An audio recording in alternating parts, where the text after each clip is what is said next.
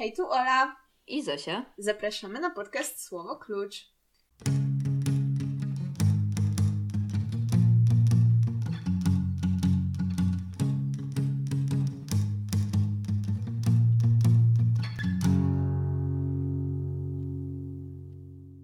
Dzisiejszym odcinku porozmawiamy o książce pod tytułem Nowy Wspaniały Świat. Jest to jedna z ulubionych książek y, naszego przyjaciela Maxa, któremu dedykujemy ten odcinek. I zaczniemy od Zosi, która opowie nam o autorze tej książki. Hmm. Aldous Boldus Leonard Huxley, który tak naprawdę nie miał na drugie imię Boldus, e, ale miał naprawdę na pierwsze na imię Aldous, e, żył 69 lat, lol, ponieważ urodził się w 1894, a zmarł w 1963 roku. Urodził się w bogatej rodzinie, uczył się w Eton, od młodości publikował wiersze i inne utwory, napisał prawie 50 książek plus mnóstwo esejów, wierszy itp. itp. itp. itp. Także taki jest ogólny zarys Aldousa Huxleya. No i brzmi on jak typowy literat, nieprawdaż?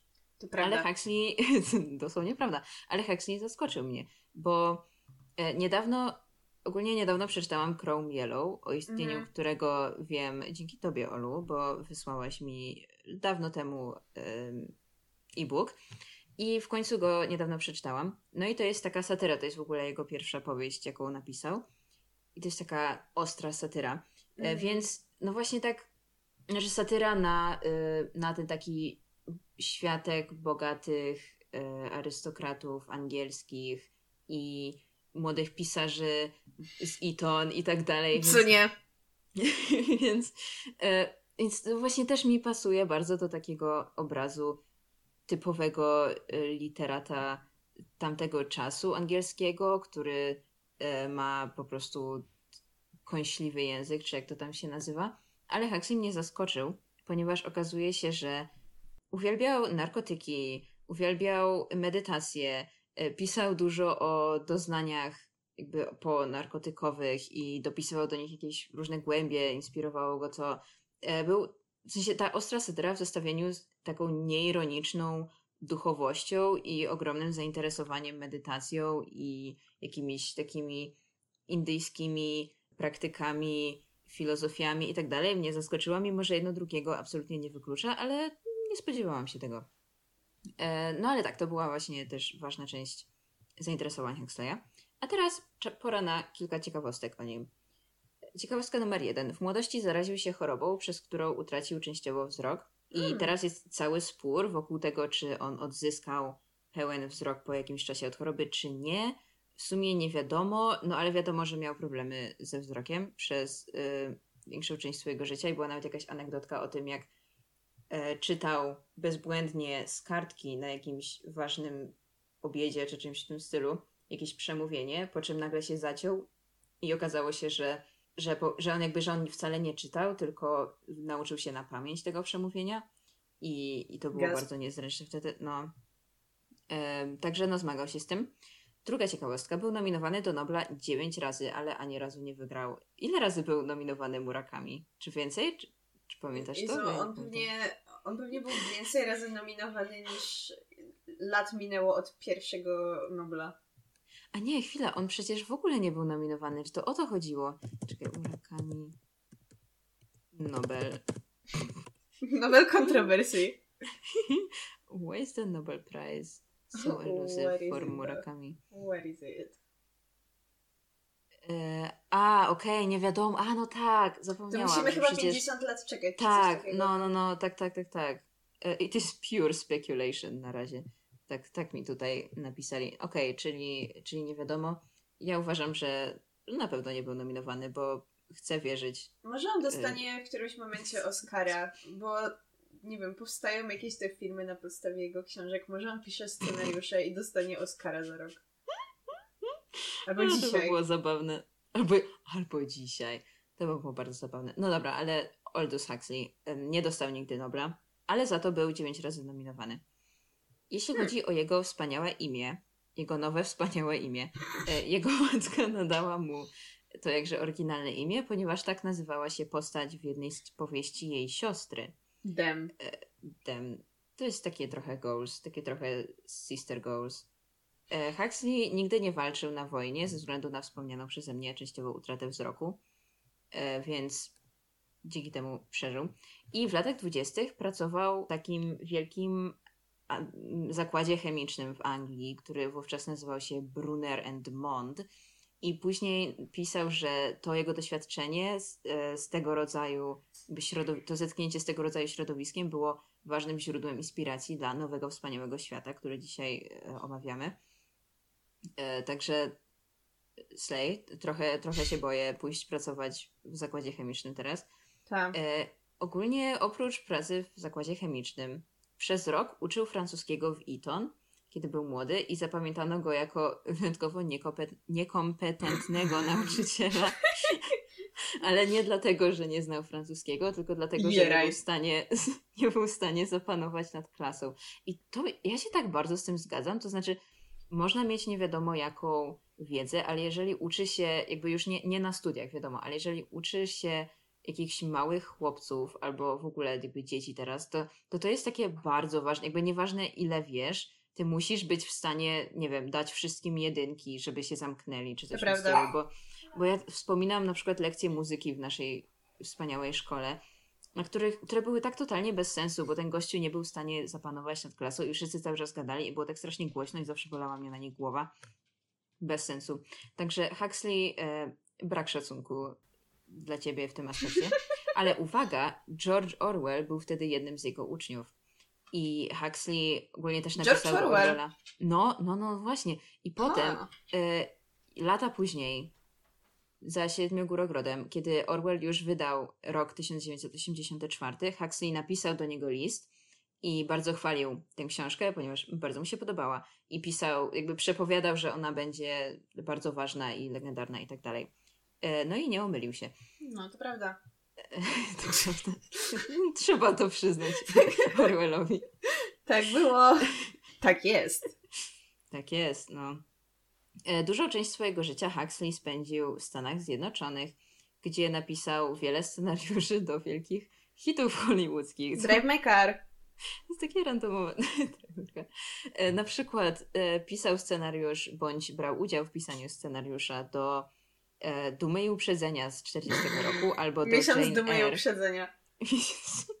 albo do Jane Eyre z 44, e, z tą, z Joan Fon Fon Fontaine, chyba tak się czyta jej nazwisko, nie wiem, ale e, podobał mi się ten film. Ma słabe oceny, ale to dlatego, że ludzie się nie znają. Tak, to prawda. Nie oglądałam no, go, ale się totalnie z tobą zgadzam, bo ufam ci. No, ach, dziękuję, dziękuję. E, był spoko. Ale co ważniejsze, to, że pisał te wszystkie śmieszne scenariusze, oznaczało, że zarabiał niebotyczne sumy i według Christophera i Sherwooda, który przyjaźnił się z Huxleyem, e, przeznaczał on duże sumy pieniędzy wtedy na e,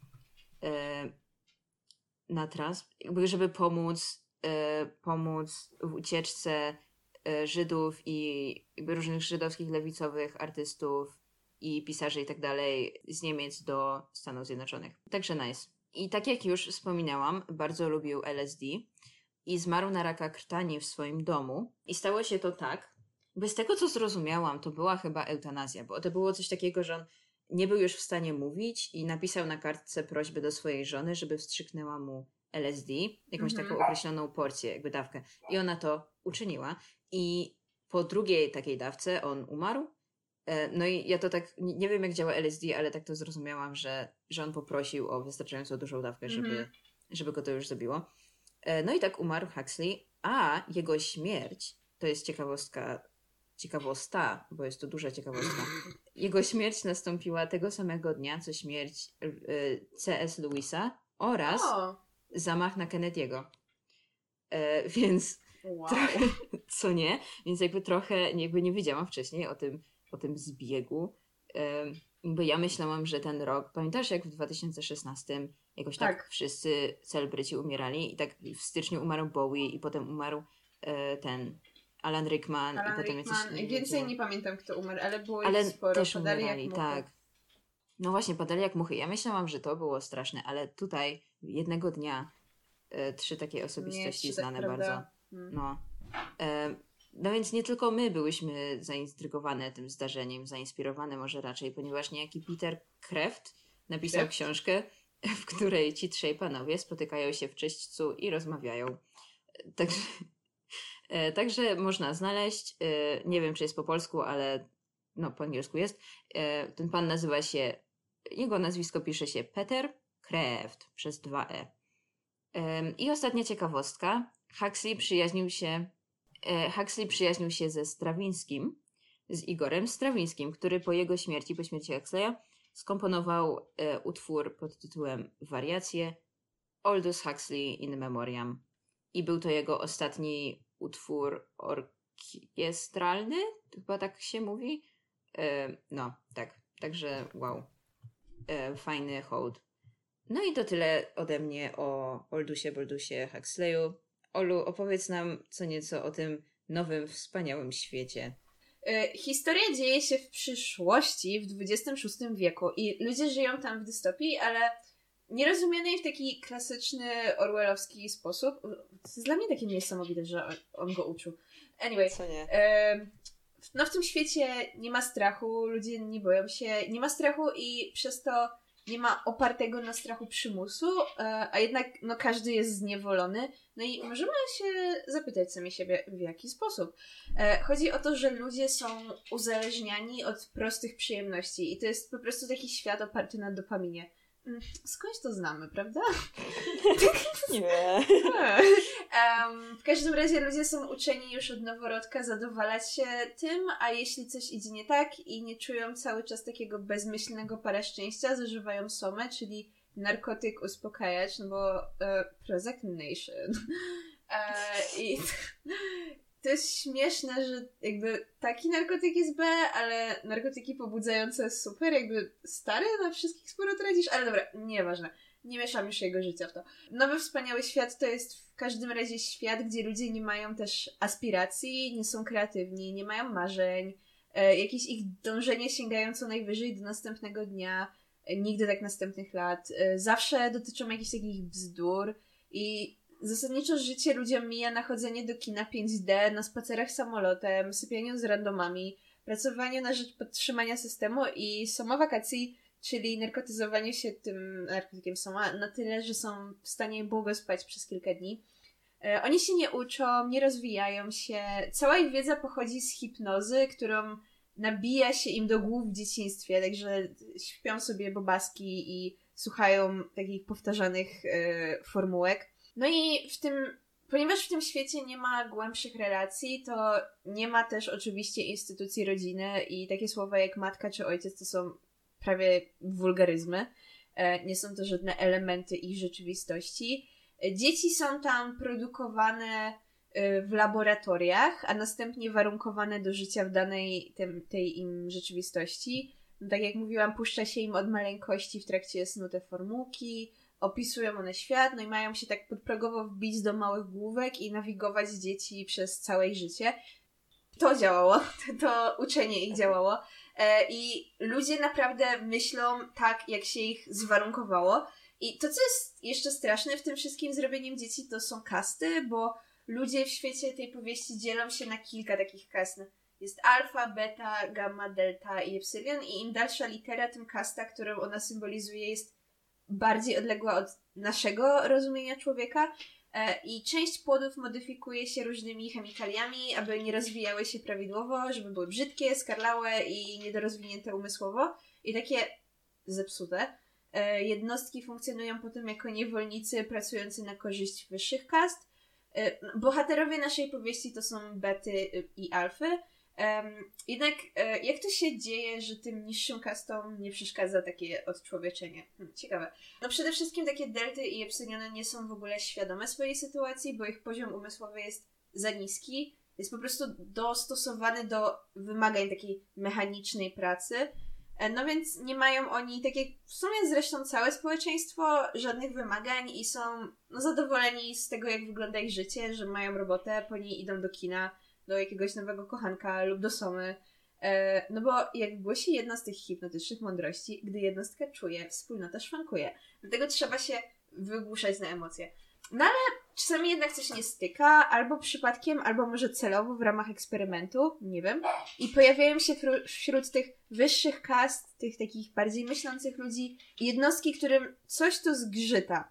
E, I okej, okay, trudno, jak się jest taką alfą, która najbardziej korzysta na systemie, z, jakby przyczepić się do niego. E, no bo prawda jest taka, że ci ludzie są zadowoleni z tego, jak wygląda ich życie. Oni żyją w tym systemie przez całe życie, oni nie znają innej rzeczywistości, ale jednak czasem, czasem trafi się jakaś taka pojedyncza osoba, która chciałaby czegoś więcej od życia i taka osoba, która postrzega, że ten świat, w którym żyje, jest trochę sztuczny, nie ma żadnego rozwoju. I jedną z takich osób jest Bernard Marx. E, należy on co prawda do najwyższej kasty. Jest alfą plus. Ale i tak ta, w ogóle, ja nie wiem, to było jakieś takie dla mnie dziwne, że te kasty mają jeszcze jakieś takie podcasty, plus minus, nie wiem, e, jak z grupy krwi. E, no więc Bernard jest tą alfą plus, e, jest na szczycie piramidy społecznej, ale i tak jest na uboczu, ludzie są wobec niego nieufni, bo jest on ogólnie wyjątkowo niski jak na alfę. I prawdopodobnie to jest, aha, no bo im wyższa osoba, no, e, jest niski jak na alfę i to jest, bierze się prawdopodobnie z tego, że kiedy był jeszcze fasolką w laboratorium, to doszło do jakiegoś wypadku i do jego systemu trafiła, trafił alkohol. No, w każdym razie Bernard ciągle marudzi, nie zgadza się ze światem, w tym, w którym przyszło mu żyć, ale chodzi też w nim o to, że on, on nie ma w sobie jakiejś takiej głębokiej duszy, moim zdaniem. To nie jest tak, że świat sam mu się nie podoba, tylko bardziej, bo on ma kompleksy, bo on czuje, że nie pasuje, a nie dlatego, że po prostu widzi, że system jest jakiś zepsuty. E, no ale dobra, okej. Okay. Bernardowi podoba się jedna dziewczyna, Lenina. Zasadniczo świat, przed... świat przedstawiony w powieści robi wszystko, żeby ułatwić mu zbliżenie się z nią. Po prostu nic, tylko przypomina się ludziom, że każdy należy do każdego. To jest kolejna mądrość e, hipnotyczna, że rozwiązłość to najlepsze po prostu nastawienie do życia. W ogóle już dzieci takie malutkie mają część dnia poświęconą na wzajemne zabawy erotyczne, jakby tak to się serio tam nazywa, I shit you not. Eee, ale jakby Bernardowi to jest jakoś nie w smak. Jak jest w towarzystwie Leniny, czuje się dosyć zakłopotany, bo nie widzi w niej człowieka takiego jak on. Bo Lenina jest takim wzorowym obrazkiem dobrej obywatelki. Ma pusto w głowie, ciągle bierze somę, sypie z kim popadnie, nie analizuje życia. No, gituwa.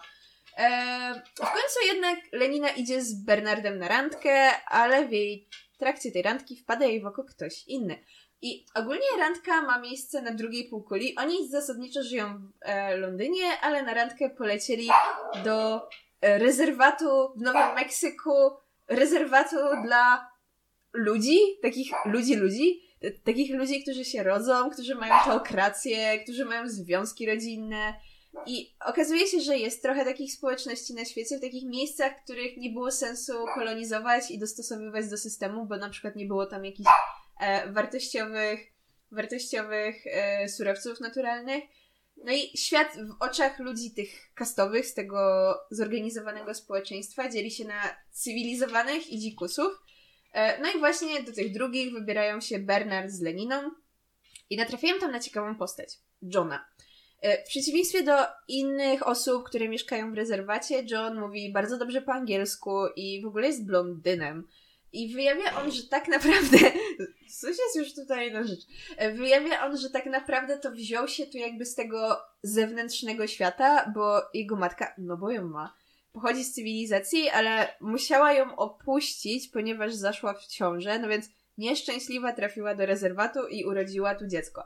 E, w ogóle nie mogła się odnaleźć w tym świecie, e, w świecie, w którym ludzie nie są warunkowani, gdzie kobiety jej nie akceptują, bo sypia z mężczyznami, choć uczono ją od małego, że każdy należy do każdego. E, w świecie, gdzie trzeba naprawiać zepsute rzeczy, a nie wyrzucać od razu i kupować nowe, aby napędzać produkcję w świecie, gdzie ludzie mają, nie wiem, rodziny, gdzie są mocne emocje, no i gdzie po prostu wszystko nie jest tak, jak powinno być. Także Linda, to jest jej imię, Linda popadła w alkoholizm, uzależnienie od pejotlu, jak witkacy, brzydła, przytyła, w ogóle była taka zaniedbana, więc gdy Bernard z Leniną ją poznali, to się bardzo obrzydzili, ponieważ nigdy nie widzieli tak paskudnego człowieka, no bo w ich plastikowym świecie nie ma brzydoty, nie ma zaniedbania, nie ma starości. Także coś tutaj jest ewidentnie nie tak. A jednak Bernard postanowił zabrać ją ze sobą do cywilizacji. Domyślił się i ja trochę nie ogarnęłam jak. Ja nie wiem, chyba nie byłam zbyt czujna w tamtym momencie, ale domyślił się w jakiś sposób, że John jest synem dyrektora Ośrodku Rozwoju i Warunkowania, czyli. Ja synem... wiem, ja wiem, ja wiem. Ta, to jak, jak, jak on się tego domyślił? Jakoś umknęło mi to. Bo to, ten dyrektor powiedział mu y, jakiś dzień wcześniej, kiedy Bernard podawał mu jakiś tam wniosek o pozwolenie na wycieczkę, właśnie tam, do tego rezerwatu, to mu powiedział: Wow, byłem kiedyś w tym rezerwacie z dziewczyną. Niestety zginęła w nocy. Yy, spaliśmy ze sobą i ten yy, i już się nie odnalazła, więc musiała tam zginąć. No więc jak on usłyszał o tym, no to on jakby od, no to, to nie było jakieś trudne do jakby wiesz połączenia. Masz rację, rzeczywiście tak było. Wow. Okej. Okay. W każdym razie, wielka szycha.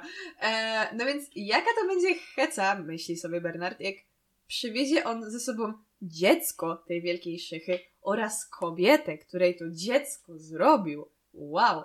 E, no, zwłaszcza, że ta kobieta jest taka odpychająca, co nie? No i rzeczywiście heca była na 5000 fajerek. E, dyrektor spitolił i mieli restrukturyzację, jak ostatnio samorząd UW. E, już dyrektor przestał tam pracować.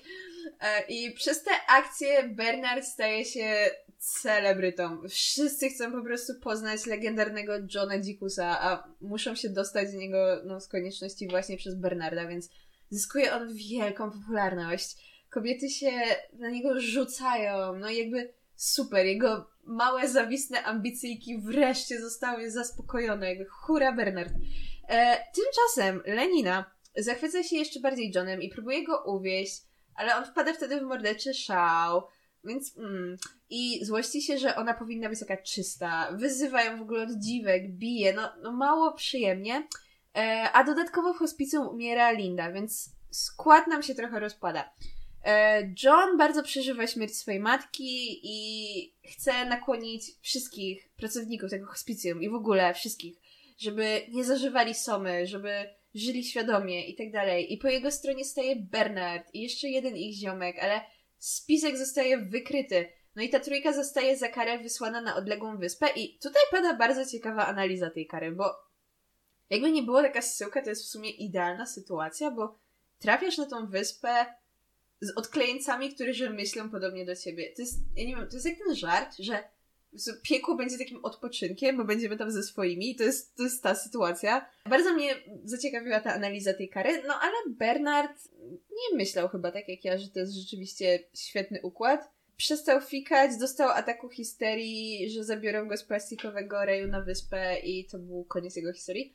E, John natomiast na wyspę trafił, e, trafił, najpierw sobie radził, znaczy, no chyba obaj trafili na wyspę, ale e, o Johnie wiemy co się dzieje. Trafił na tą wyspę, trochę sobie tam żył, no uciekł w końcu od cywilizacji, ale nie jest z nim okej okay zbyt długo, bo powstaje o nim w ogóle film, jeden z tych, filmów 50D e, i z dnia na dzień staje się on po prostu mega popularny, a na wyspę przybywa tłum dziennikarzy, żeby, żeby z nim porozmawiać.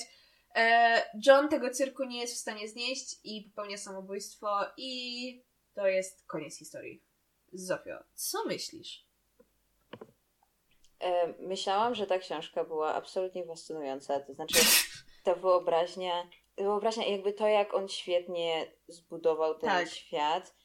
Tam jest tyle detali, ale naprawdę poznajemy je w taki naturalny sposób. Znaczy, no najpierw to, nas, książka rozpoczyna się tym, że że jakiś y, wysoko postawiony pan oprowadza mm-hmm. uczniów po fabryce, co jakby nie jest może jakieś super subtelne, ale jest zręcznym sposobem na jakby od razu wyjaśnienie nam, że o, tutaj tak. dzieci y, rodzą się, jakby są dekantowane z butelek i tak dalej. E, więc to było jakby spoko, ale też mówię jakby o, nie wiem, to potem jakoś tak dochodziło mnóstwo tych szczegółów, które były naprawdę fascynujące. Na przykład to, że, e, że ponieważ ci ludzie na szczycie zdają sobie sprawę z tego, że silne emocje, czy tam, znaczy, że jakieś tam hormony y, typu adrenalina, czy coś tam są kluczowe dla zdrowia, y, to co jakiś czas y, niektórzy, niektórzy właśnie członkowie społeczeństwa łykają jakieś tabletki, czy tam coś tam, żeby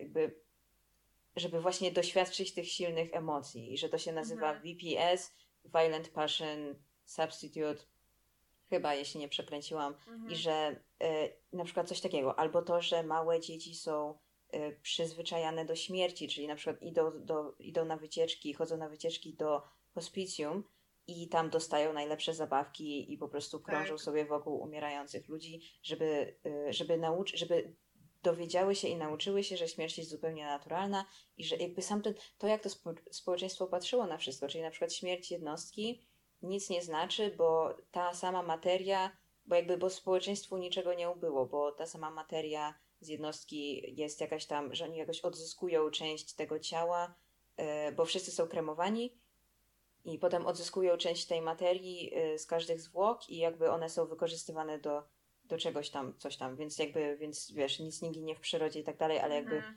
rozumiane w taki sposób. Na przykład to, że ludzie są, y, właśnie tak jak wspomniałaś, że w tym plastikowym świecie nie ma starości i tak dalej, że to dlatego, że, że ludzie są y, młodzi, piękni, że są, mają utrzymywany jakiś tam balans hormonalny i tak dalej w tak. perfekcyjnym tak. stanie i wyglądają młodo, nikt nie ma zmarszczek i tak dalej, do momentu, kiedy właśnie y, kończą jakieś 60 lat i wtedy umierają bardzo szybko. Tak. Po prostu jakby tak. 60 i, i z głowy i umierają. Jakby takie, nie wiem, to było takie ciekawe, właśnie to, że, że y, ten, mal, y, jak to się, czy ty czytałaś po polsku, czy po angielsku? Nie, nie, nie, po angielsku, ale sprawdzałam niektóre te terminy. No jest, okej, okay. to czy sprawdzałaś to Malthusian Drill? Nie, możemy od razu zobaczyć. Ale wydaje mi się, że to będzie też jakieś maltuzjańskie, no bo to jest takie chyba zwyczajne Tak, tak, maltuzjańskie, tylko nie wiem jak ten drill jakoś muszt, musztra? Musztra maltuzjańska? Zobaczmy to, googlejmy. E, to w międzyczasie y, wyjaśnię o co chodzi. Y, to jest, to był jakby taki po prostu rytuał antykoncepcyjny, że przed każdym, że jakby wbijano do głów tak, żeby to było, jak wiecie, takie automatyczne po prostu już czynności E, żeby e, każda kobieta, co też w sumie było tak dla mnie ciekawe, że o, że nawet w tym, w tej po prostu niby utopii, znaczy w tym takim nowym, nowym świecie, w którym wszystko jest na odwrót, jakby cała odpowiedzialność za antykoncepcję wciąż spoczywa tylko i wyłącznie też, na kobiecie. Też na to zwróciłam uwagę, no nie? No, że, no ale okej. Okay. więc, więc one właśnie ma, robią Malthusian Drill, czyli noszą zawsze nie, w ogóle mają nie mogę... Nie możesz tego w sensie znaleźć, okej. Okay. Dużo jest hasło maltuzjański w kontekście tej książki, ale nie ma jakby tej kolokacji. Okej, okay, no ale to w każdym razie o to chodzi, że one po prostu mają zawsze przy sobie środki antykoncepcyjne i przed każdym stosunkiem, które no mają być bardzo częste, no nie, to po prostu mają y, określoną rutynę, że y, nie jest to napisane szczegółowo, no ale chodzi o to, że mają rutynę, żeby właśnie stosowania tych środków. I, i, i właśnie jakby to, że, że ciąża i słowo matka są tak wulgarne, są czymś tak niewyobrażalnym, że tam ludzie, nie pamiętam, czy wspomniałaś, że oni tam wszyscy żyją w takich wielkich ośrodkach jakby razem, że, no ale to w sumie wynika z tego, tak no, skoro nie mają rodziny, no to wiadomo, że żyją jakoś tak razem. Nie jest tak, że żyją w mieszkaniach osobnych, tylko właśnie w takich wielkich ośrodkach razem biorą prysznice, razem coś tam. I, i że nie ma samotności, że na przykład, że tak. E, Bernard, to czym Bernard się wyróżnia, oprócz tego, że ma angst i tak dalej, to właśnie to, że on y, lubi robić rzeczy sam. Tak. I to jest, i to go czyni takim dziwolągiem i jakby Lenina nie jest w ogóle w stanie tego zrozumieć. Mówi, że ale jak to, ale właśnie jakby, że samotność jest zła, że jest niebezpieczna i tak dalej. Nie wiem, jakby mogłabym, tak trochę chaotycznie wymieniam różne rzeczy, które pamiętam, mhm. ale po prostu naprawdę ten świat przedstawiony był tak złożony i tak strasznie ciekawy i też, znaczy ja też mało czytam y, dystopijnych powieści, mało czytam science fiction, y, no więc może dlatego dla mnie to było, może już się od tamtego czasu powtórzyły te pomysły gdzie indziej, ale no dla mnie były nowe i byłam naprawdę bardzo, bardzo, bardzo, yy, bardzo mi się podobała ta książka. Olu, trzy słowa od ciebie. Albo tak, więcej. Właśnie, właśnie o to chodzi, bo mnie się hasło dystopia kojarzy bardzo z no jakimś, nie wiem, post-apo czy coś takiego. A mhm. tutaj oni jakby mają, to, to, jest, to jest dobry system pod tym względem, że no nie ma wstydu, nie ma, nie wiem, pojęcia grzechu, nie ma choroby, nie ma strachu, nie ma właśnie samotności. No tylko to nie działa, to ewidentnie nie działa. To jest, to jest jakieś, nie wiem, państwo Platona, wszystkie te takie utopie historyczne, gdzie masz ka jakieś kastowe społeczeństwo i wszyscy jakby dążą do, do szczęścia, wiesz, ten ostateczny cel, koniec historii, mamy już to, zrobiliśmy to, ale to nie działa, to jest jakoś budzi taki, nie wiem, taką niechęć. I, ale z tymi kobietami to w ogóle, to też, to jest dla mnie ciekawe, bo część kobiet w tym świecie jest bezpłodna, a część nie, ale te płodne, jak na przykład Lenina, i tak nie mogą mieć dzieci i muszą nosić ten pas maltuzjański yy, i żeby organizm lepiej im działał, mają te symulacje ciąży, tak jak bezpłodne kobiety, więc ja tak trochę nie zaczęłam, o co z tym chodzi. E, czy, czy ty to złapałaś? Po co część jest bezpłodna, a część nie? Właśnie, nie, bo to coś było takiego, że w tych butelkach, no nie, że oni dodawali coś do niektórych butelek z tymi jakby płodami i potem, ale też jakby tak, nie, ale tak nie po, po co? No, tak dobra, konkretnie. whatever.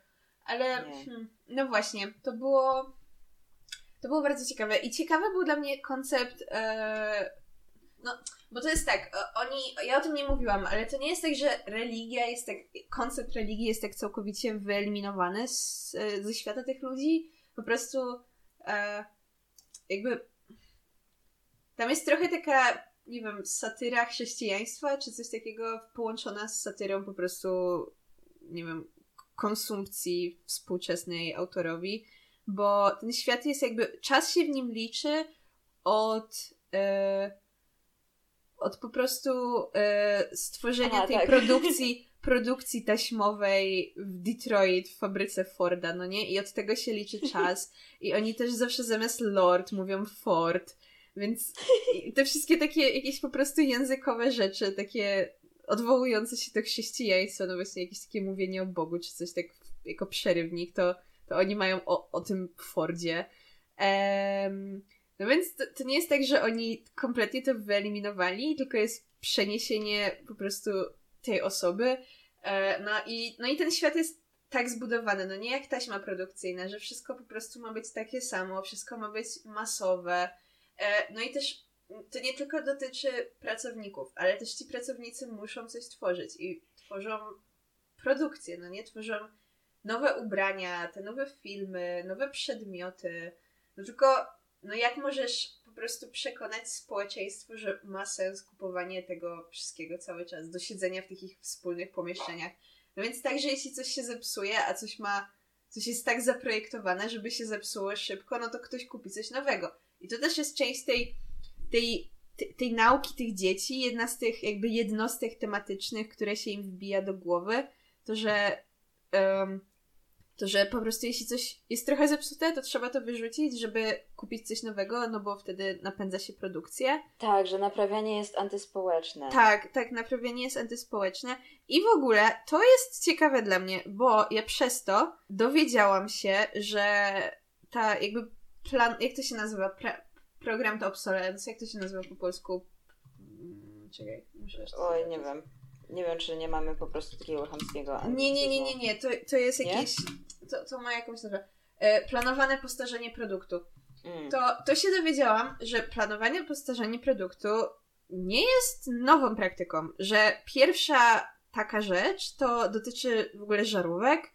I, I w latach, chyba w roku 1924, jacyś producenci różnych, nawet nie, że jedna firma, ale tak różne firmy żarówek zaczęły robić coś takiego, że po prostu tak jak e, ten typ, nie wiem, żarnika czy czegokolwiek powinien starczać na 2000 godzin, to się jakoś tak zgadali, żeby to starczało na 1000 godzin, żeby szybciej się psuły te żarówki i szybciej ludzie musieli kupić nowe żarówki. Więc to już tak autentycznie on pisał tą książkę i ludzie kminili, jak robić, żeby produkty się szybciej psuły, żeby więcej kupować, więc to było dla mnie takie ciekawe. Myślałam, że to jest taki taka nowa myśl. E, no ale też, żeby nie było tak przykro o tych żarówkach, to się dowiedziałam przy okazji, że jest jedna żarówka, która się nieprzerwanie świeci od 1890 roku, więc coś za coś. A, coś za coś.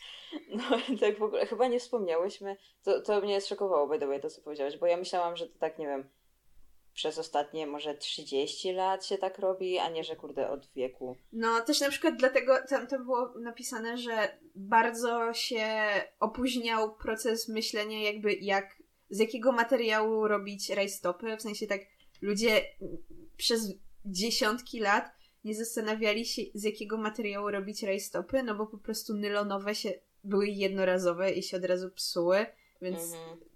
wszystkie były jakby nylonowe, żeby kupić nowe, a nie dlatego, że przez tyle czasu nie mogliśmy wymyślić, nie wiem, jakieś mikrofibry czy coś takiego. O Boże. O, ale właśnie to, to, o czym nie wspomniałyśmy chyba jeszcze, to to, że ponieważ te dzieci są robione w butelkach, oni używają jakiejś takiej metody Bokanowskiego, która polega na tym, że, że te komórki się jakoś tak niewiarygodnie mnożą mm-hmm. i ogólnie są całe serie klonów, więc tak. po prostu y, jedno i to, i to mnie jakby zastanowiło, że y, że jakby, że są całe serie tych klonów, no nie, ale na przykład Len, ani Lenina, ani Bernard, oni, bo Lenina nie jest alfą chyba, prawda? Nie, w tej książce nie, nie, ma, ma alf, klonów. które są kobietami. Ja tak się zastanawiałam, czy może ja to jakoś pominęłam, a była jakaś informacja, że alfami nie mogą być kobiety z jakiegoś tej, nie wiem, tej hierarchii, ale to są... Okej, okay, dobra, no to właśnie. No Żadna to kobieta nie, nie jest alfą, nie jest, ja jest.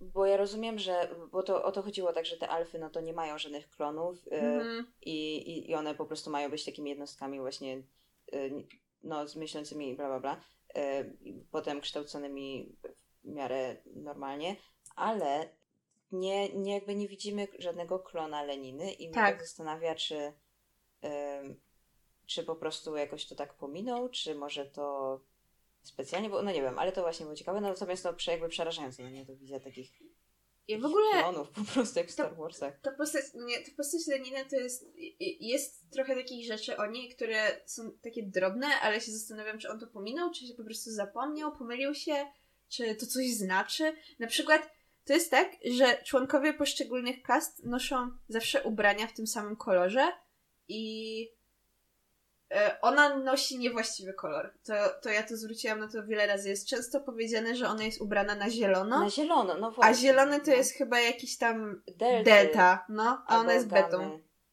Na pewno ma zły kolor ubrania, właśnie. a on jest tak bardzo często wspomina, że ona jest ubrana na zielono. A wcześniej tak, było wyraźnie powiedziane, że to nie jest jej kolor. Więc jak mam to znaczy, odbierać? W ogóle jakby Lenina jest ciekawą postacią, bo y, znaczy jeszcze jakby wspomnimy o tym, że ona ma y, zieloną skórę, no nie?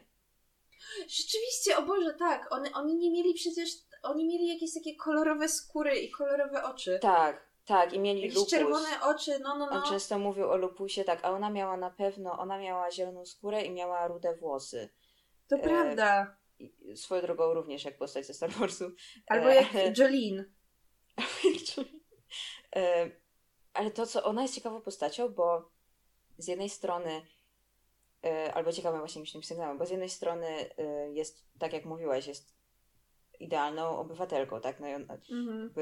ale z drugiej strony nie, bo e, zapomniałam o tym w ogóle, dopiero teraz sobie przypomniałam, ale przecież na początku książki ona tak. rozmawia ze swoją przyjaciółką Fanny, chyba Fanny, Fanny no. która mówi jej, że ej, laska, od kilku tygodni chodzisz tylko i wyłącznie z Henrym. Dlaczego nie spałaś tak długo z nikim innym. I potem, e, no więc jakby mamy już tutaj ten wątek, tak, że ona jakoś, że coś tutaj jest nie tak, że ona nie, mhm. nie, nie sypia z tak wieloma osobami, jak powinna. A potem jeszcze, jak zakochuje się w tym dzikusie, ona dosłownie się w nim zakochuje. Jakby będę mówić dzikus, bo tak było w książce cały tak, czas. Tak, tak, to, to nie jest tak, że my tak chcemy myśleć, po prostu to jest, tak się nazywa ta postać. Dzikus tak, wszyscy, z wielkiej litery. Wszyscy mówią na niego panie dzikusie albo tak, dzikusie. No. Tak. E, więc potem zakochuje się y, w Cikusie i, i więc to albo świadczy o tym, że ona wcale nie jest taką jakby dobrą obywatelką i że mhm. jest inna i że to ją wyróżnia, albo świadczy o tym, że wszystkie te jednostki, no tak. przynajmniej te wyższe kasty, są do tego zdolne i że ten system, y, ta próba wykorzenienia z nich mhm. głębszych emocji jednak nie działa i że coś jest nie tak. A w ogóle, bo, czy my mówiłyśmy już o tym, że dlaczego w ogóle te emocje, bo ogólnie chodziło o to, jakby filozofia tych motywacja tych ludzi na szczycie była taka, że oni uważali, że nieszczęście ludzkości bierze się właśnie z intensywnych emocji, więc y, dlatego oni pozbyli się jednostki rodziny i dlatego, y, dlatego pozbyli się monogami i tak dalej, żeby ludzie y, nie odczuwali skrajnych emocji, bo ludzie na szczycie uważają, że to właśnie prowadzi do, do tragedii, do wojen i nieszczęścia i, i tak dalej. Więc cena I to jest właśnie ciekawe, bo za każdym razem na przykład Dzikus, czy ten, dobra powiedzmy, że John, jak John rozmawia z tym takim jakimś władcą Europy, yy, czy tam kontrolerem, oni się nazwali chyba kontrolerzy, mm-hmm. więc z kontrolerem Europy i on mówi, że, yy, że no ale dlaczego ja nie mogę być sam, dlaczego nie mogę coś tam, coś tam. Yy, I ten kontroler mu mówi, że no jakby teraz jakby prosisz mnie o prawo do bycia nieszczęśliwym. I, I John mówi, że tak, no właśnie tak, no właśnie chciałbym mieć prawo bycia nie, mm. do bycia nieszczęśliwym. I, I to jest jakby ta cena, którą y, społeczeństwo w tym momencie płaci za brak silnych emocji, za brak rozpaczy, za brak nieszczęśliwej miłości i tak dalej. To jest właśnie no zniewolenie po prostu. No, to prawda. I w ogóle to jest takie ciekawe, bo um, bardzo mi się podobało to, w jaki sposób był opisany rezerwat, bo on to nie był taki raj. To znaczy, to nie jest tak, że oni tam lecą i myślałam, że odwiedzą ten rezerwat, zobaczą ludzi, którzy nie, nie są tacy jakby warunkowani jak oni i że to będzie właśnie taką utopią, to będzie takim przeciwieństwem, że tam wszyscy będą po prostu wspaniali. Tak nie jest. To nie jest idealne społeczeństwo. To jest społeczeństwo, które miało po prostu wybór, ale nadal ci ludzie są, no, oceniają się, yy, są, ro, rozpijają się, mają po prostu takie mocne wady tylko różni ich to, że no, nie są warunkowani do życia w takim konkretnym społeczeństwie. Więc to mi się bardzo spodobało. To było fajne moim zdaniem z jego strony, że nie zrobił takiego cukierkowego obrazu, żeby mhm. po prostu na siłę podkreślić, że ten świat warunkowany jest zły, tylko pokazuje, że no on jest inny, ale jakby, nie, nie wiem, to, to było dla mnie bardzo fajne. To było takie, takie trochę subtelne. Tak, to też to, że y, on tak podkreśla, jak bardzo schorowani są ci ludzie. Tak, tak, no, no, no. Zniedołężniali i tak dalej. I też tak. to, że no, coś, ten, że jakby, że opisuje tę praktykę y, to, a w ogóle, czy to było ciekawe, bo oni tam czcili jednocześnie Jezusa i jakiegoś Pukonga? Co nie, jakiegoś Pukonga, tak. To było szalone, ta, ta hybryda. Y, I to, że co ja chciałam powiedzieć? A, że tak bardzo podkreśla to on fajnie opisuje zmysły, bo e, podkreśla na przykład to, jak bardzo śmierdzi Linda dla Leniny i że Lenina nie jest w ogóle w stanie, że ona musi zatykać sobie, znaczy jakby wstrzymywać oddech, nie tak, tak ostentacyjnie zatykać nos, nie, tak. ale jakby wstrzymuje oddech e, podczas rozmowy z Lindą, bo ona to jest totalnie nieprzyzwyczajona, bo w jej świecie nie ma nieprzyjemnych zapachów, e, bo wszystkie, bo nie wiem, bo ona wchodzi sobie do podprysznic i wciska przycisk i tryska na nią pachnący proszek i ona mhm. jakby potem pachnie pięknie przez cały ten. Potem też John zwraca na to uwagę, John Dzikus, y, kiedy patrzy na śpiącą Leninę pokryjomu w pokoju y, i podchodzi do niej blisko i że ona tak pięknie pachnie i, i jej włosy mają piękny zapach i tak dalej. I to, że y, to, co jakby wspominałaś o tych filmach 5D, to było też dla mnie takie wow, to było zajebiste, że on mówił, w sensie, że to się nazywało Filis zamiast Filis, Movie, no nie, no bo no to move, mówi, to feel, feeli. Jakby to, to mi się tak spodobało, że on to po prostu tak analogicznie tak, że on tak analogicznie stworzył tę nazwę i to wygląda tak, że, ludzie, że oni tam w, siadali sobie w fotelach i kładli ręce na takich jakichś tych no nie kontrolerach takich? Kon tak, na jakichś takich gałkach czy czymś i kiedy kładli na nich ręce, to jakby patrzyli na ekran i widzieli, jakby czuli na przykład, jak jak była jakaś scena seksu między dwiema postaciami, to oni czuli na ustach jakby mm. uczucie innych ust i tak dalej, jakby czuli zapachy i wszystko. No? Kiedy się zdejmowało ręce z tego, z tych przycisków czy czegokolwiek, to jakby już tego nie czuli, ale właśnie to był, a, taki, taki ciekawy koncept, niby taki prosty, ale no nie wiem, zachwycił mnie po prostu. Wow. Mm. Wow. I w ogóle... Co jeszcze Cię zachwyciło w tej książce, Olu? Um, może ta myśl, że ja tak mogłabym tam żyć, po prostu musiałabym być taką co, co najwyżej gammą, no nie? Żeby przypadkiem się nie zaczęła zastanawiać, czy to wszystko ma mhm. sens, bo tak jak mówisz, ja, ja tak właśnie o tym myślałam, że to czy, czy naprawdę te postacie nie są świadome tego wszystkiego? One ta Lenina, tak mi się wydaje, że właśnie ona nie jest jedynym przypadkiem kogoś, kto po prostu żyje inaczej i nie ma jakiegoś wielkiego zamieszania. No tylko koleżanka mówiła, że mm, martwi się o nią, że ciągle ma tego samego chłopaka. Ale mhm. to, to, było, to było fajne. Nie, bardzo, bardzo było to dla mnie ciekawe, że to była dystopia, ale no, ludzie, którzy nie jest tak, że się boją tego swojego systemu, tylko czerpią z niego korzyści, że to jest jakby coś, coś co jest złe, ale wynika z pozytywnych przesłanek, powiedzmy. Albo może tak, wynika to... z negatywnych przesłanek, ale ma dobry rezultat. O, bardziej chyba w tą stronę.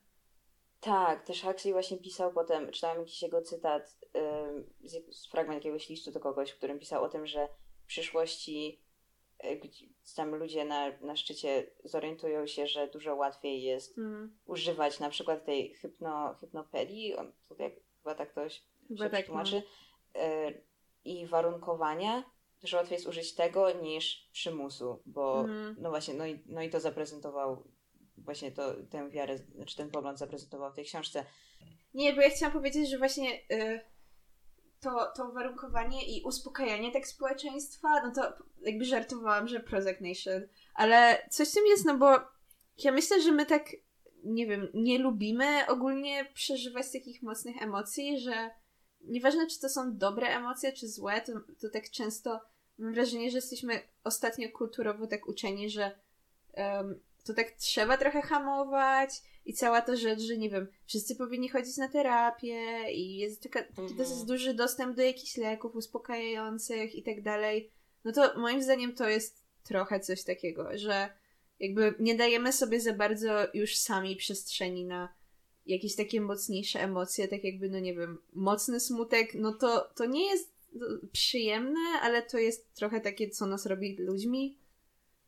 Tak, to jest potrzebne, tak. No. Tak, to, to, no dosłownie, jakby całkowicie się z Tobą zgadzam. E, też to, tak myślałam cały czas, już chyba wspominałam w naszym podcaście o moich wspaniałych wykładach z zeszłego roku o totalitaryzmie, mhm. o biegu totalitaryzmu, bo myślałam o tym też, czytając tę książkę, wtedy, kiedy ten kontroler mówił o przeszłości i o genezie tego nowego, tej nowej cywilizacji, czyli o e, wojnie dziewięcioletniej, po mhm. której ludzie byli tak zmęczeni, tak wykończeni, że oni po prostu oni chcieli wszystko, tak. tylko nie wolność. Oni po prostu nie chcieli decydować o niczym. I to było dosłownie to, co mówił na tym wykładowca, no nie, że tak samo się czuło mhm. wtedy społeczeństwo, e, że oni po, po wojnie, po pierwszej wojnie światowej ludzie nie chcieli musieć sami decydować, nie chcieli demokracji, tylko mhm. chcieli, żeby ktoś się nimi zaopiekował.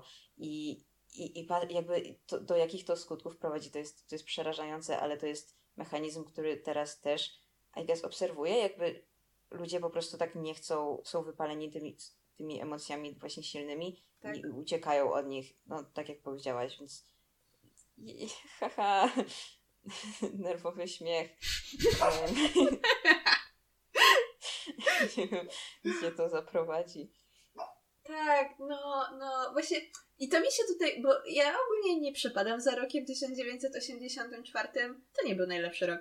Um, tamta książka tak nie zrobiła na mnie takiego dużego wrażenia, często mi się wydawała taka trochę naiwna e, i taka trochę, nie wiem, taka może obuchem przez łeb czasami za mocno e, mm. i nie pozostawiała mi jakby miejsca na przemyślenie sama, co wyciągam z tego świata, a tutaj tutaj to jest, to, to się trochę czyta jak jakiegoś, nie wiem, kandyda czy coś takiego, że widzę tą satyrę, ale też jakby zastanawiam się, jak to się odnosi do mojego świata, a nie tylko mam takie, boże, hashtag rel.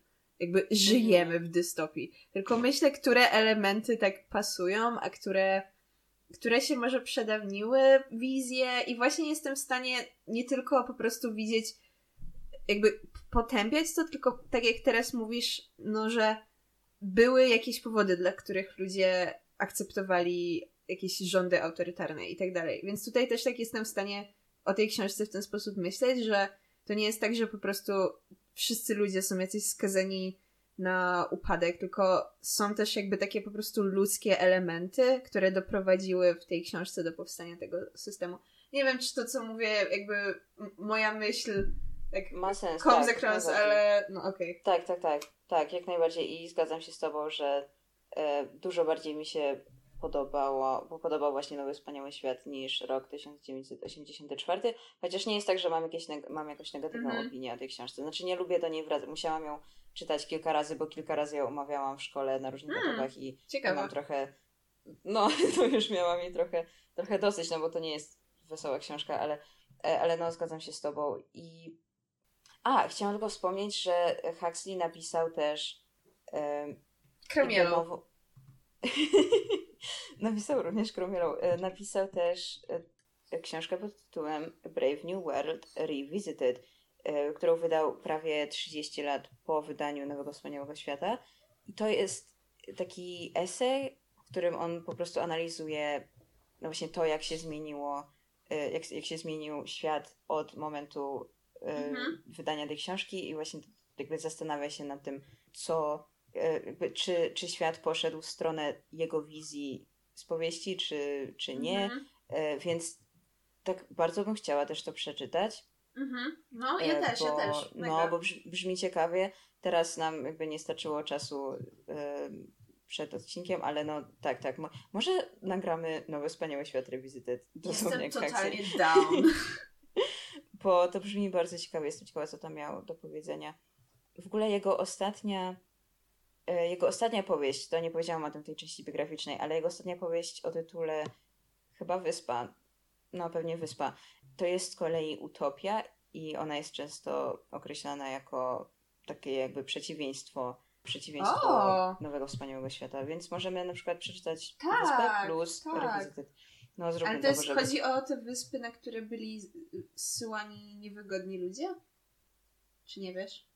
O Jezu, nie wiem, ale to, to by było takie szalone, gdyby to było to? To by było o. całkiem szalone, ale nie mam pojęcia. Nie wydaje mi się, żeby, mhm. żeby to było jakieś, jakoś powiązane. Aż tak. Um, tylko jest to po prostu właśnie utopia, a nie dystopia. Ta, ta wizja. Ale o Jezu Boże, to była taka dobra książka. E, jeden element, o którym chciałam jeszcze wspomnieć, jakby zasięgnąć pociągnąć cię za język, Olu, bo nie wiem, co, co ty o tym myślałaś. To... Nie lubię Bernarda. e, tak, tak, też nie lubię Bernarda. E, dlatego, że był tchórzem głównie, dlatego, że był tchórzem. Tak, jakby... on był takim tchórzem, on był takim tchórzem. Tak, i co było niestety rel, to znaczy ja nie lubię tego, nie lubię postaci, które są tchórzami, dlatego, że ja też jakby ja jestem świadoma tego, że, tak. że jestem tchórzem i ja nienawidzę po prostu przeglądać się w lustrze. Dokładnie. To, nie, to, jest, to, jest, to jest okropne, e, dlatego też nie lubię filmów wojennych, bo to, ci ludzie, którzy tak boją się walczyć coś i, i, są potępiani, to ja zawsze tak patrzę na nich i mam takie Jezus Maria, to jestem ja. E, no i to nie jest przyjemne. Ale w każdym razie e, to jest temat, to jest element rasy, mhm. bo było kilka, było wiele właściwie momentów, w których miałam takie hmm, jakby ciekawe, yeah. czy to jakby czy to było świadome, jakby mam nadzieję, I guess, czy, ale no i, i tak, to było takie, takie suspicious momenty, kiedy no, po pierwsze, e, tak jak wspominałyśmy, różne kasty mają, znaczy ogólnie ci, ci ludzie mają różne śmieszne kolory skóry, ale kilka razy jest tak. wspomniane, że epsiloni, epsilony e, mają czarny kolor skóry.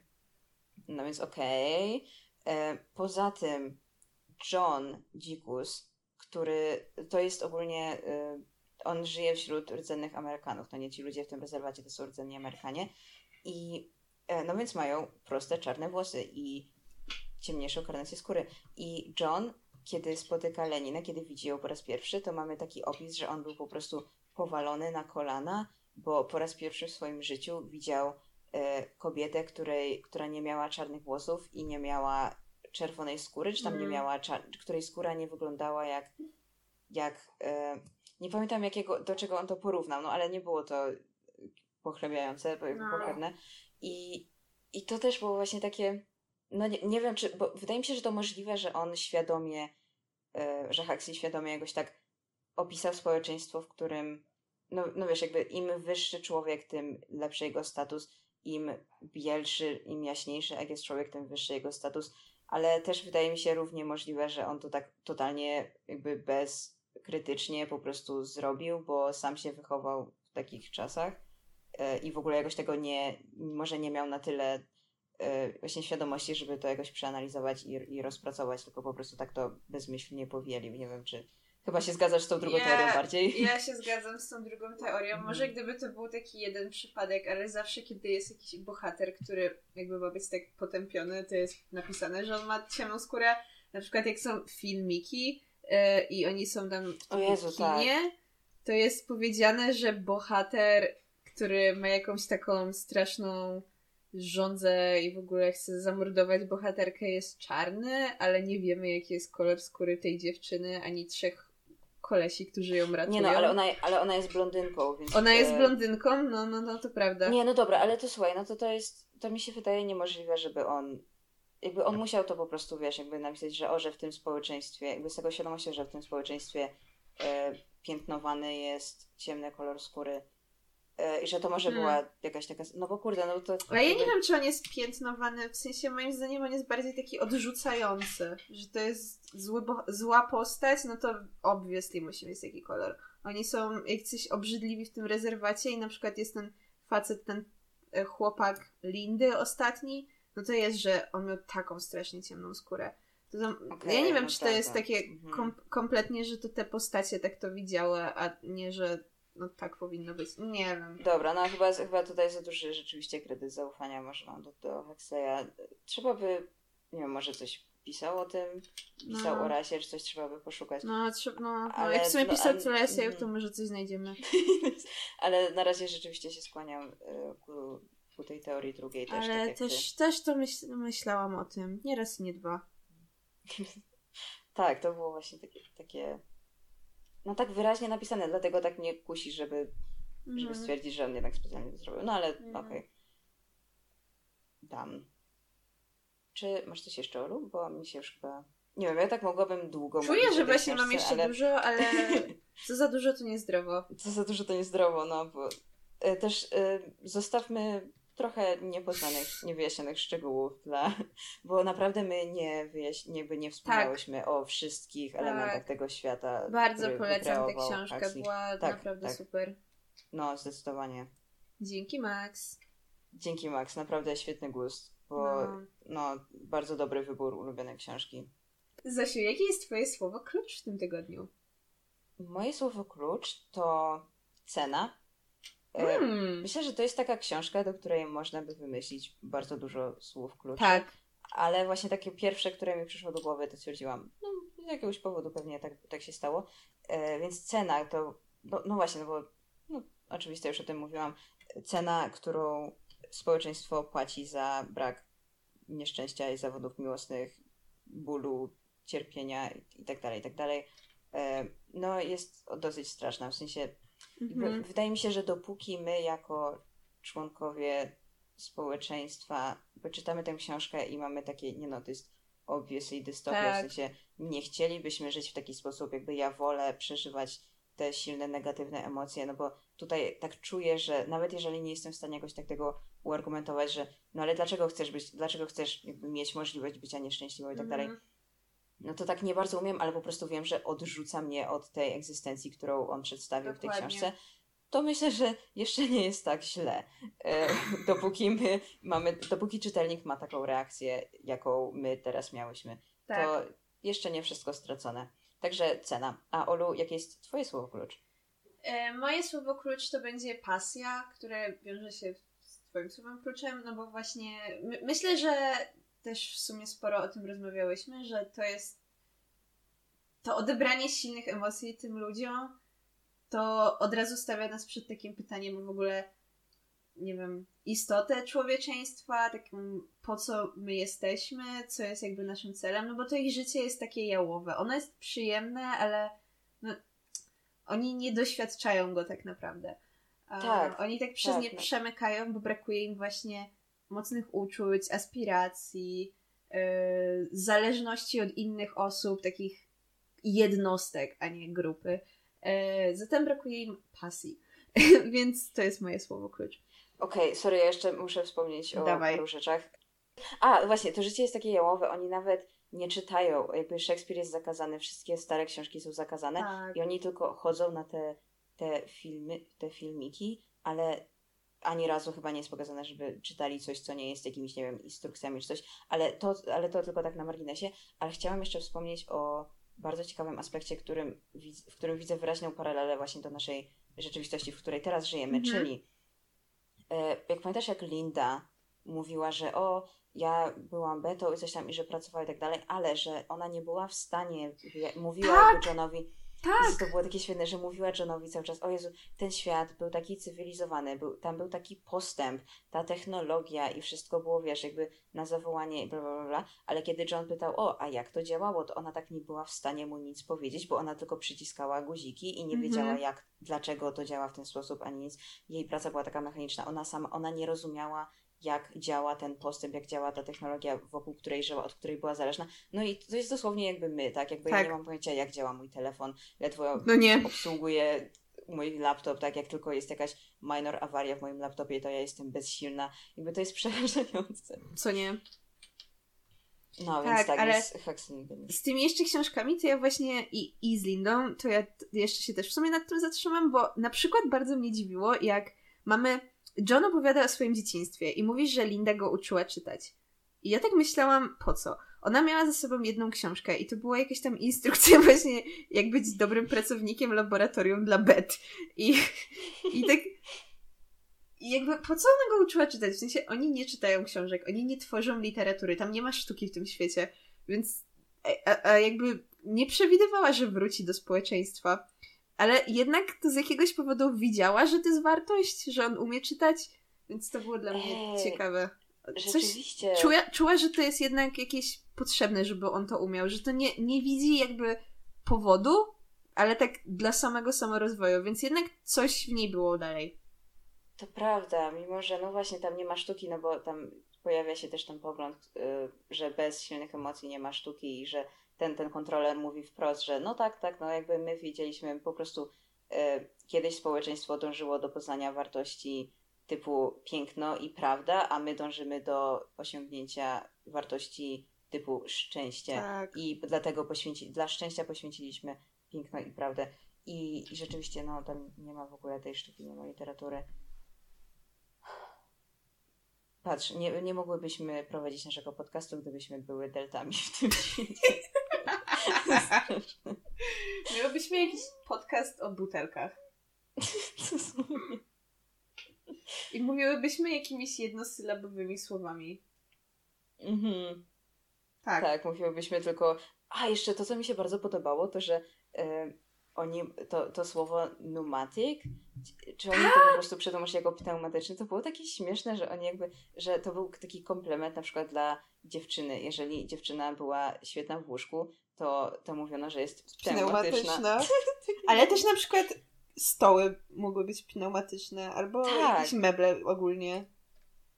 Nie, w ogóle te, jakby te neologizmy albo półneologizmy, mm. chyba jest mhm. coś takiego jak neologizm znaczeniowy, no to, które on tworzy są też świetne i no, świetna książka naprawdę. Chrome Yellow mi się podobało i też ale polecam. Ale było totalnie ale, inne. Ale było to, tak, no właśnie, ten rozstrzał. Tak, to jest takie, takie inne. I on przecież nie, nie, nie minęło jakieś setki tysięcy lat, zanim napisał jedną książkę, a potem drugą. Znaczy pomiędzy jakby, mhm. od kiedy napisał jedną, do której napisał drugą. A mhm. to jest takie totalnie inne, jakby jaki zdolny facet. No nie, naprawdę, naprawdę o, ogromny szacunek dla jego umysłu. No a potem po prostu zaczął się narkotyzować i uspokajać i wiesz, stracił pasję, więc też po co pisać. Co? Nie no, dlaczego? To, dlaczego tak, tak mówisz? Nie, to A żart, nie bo w książce to... była Soma. A, okej, okay, to, dobra. Okej, okay, myślałam, że, tak, że, że taki wniosek wyciągnęłaś, że o jego biografii, ale, ale to ja nie wiem o niczym takim. Wiem tylko, że pisał, w sensie na pewno nie sięgnę po jego eseje o medytacji, bo ten temat mnie tak no. totalnie nie interesuje, ale no, Właśnie on pisał, on pisał chyba już potem te książki takie, no więc to jest ciekawe, bo ja na pewno słyszałam o tych jego książkach jakichś takich dosyć długich, o nirwanie i tak dalej, no to to mnie tak nie obchodzi. Okej, okay, okej. Okay. No, ale to, to brzmi ciekawie, ta wyspa. No, ale, ale no przynajmniej wiemy, że Chrome Yellow i Nowe mm. Wspaniałe Świat to naprawdę duże osiągnięcie. Znaczy Chrome Yellow to tak, no fajne, ale Nowe Wspaniałe Świat tak. jestem naprawdę zachwycona i polecamy tak. gorąco. Yy, dobra, to tyle na dzisiaj. Mamy nadzieję, że Wam się podobało. Ja mogę powiedzieć, że mnie się bardzo podobało. Same. yy, I jeśli tak, polećcie nas znajomym i do usłyszenia.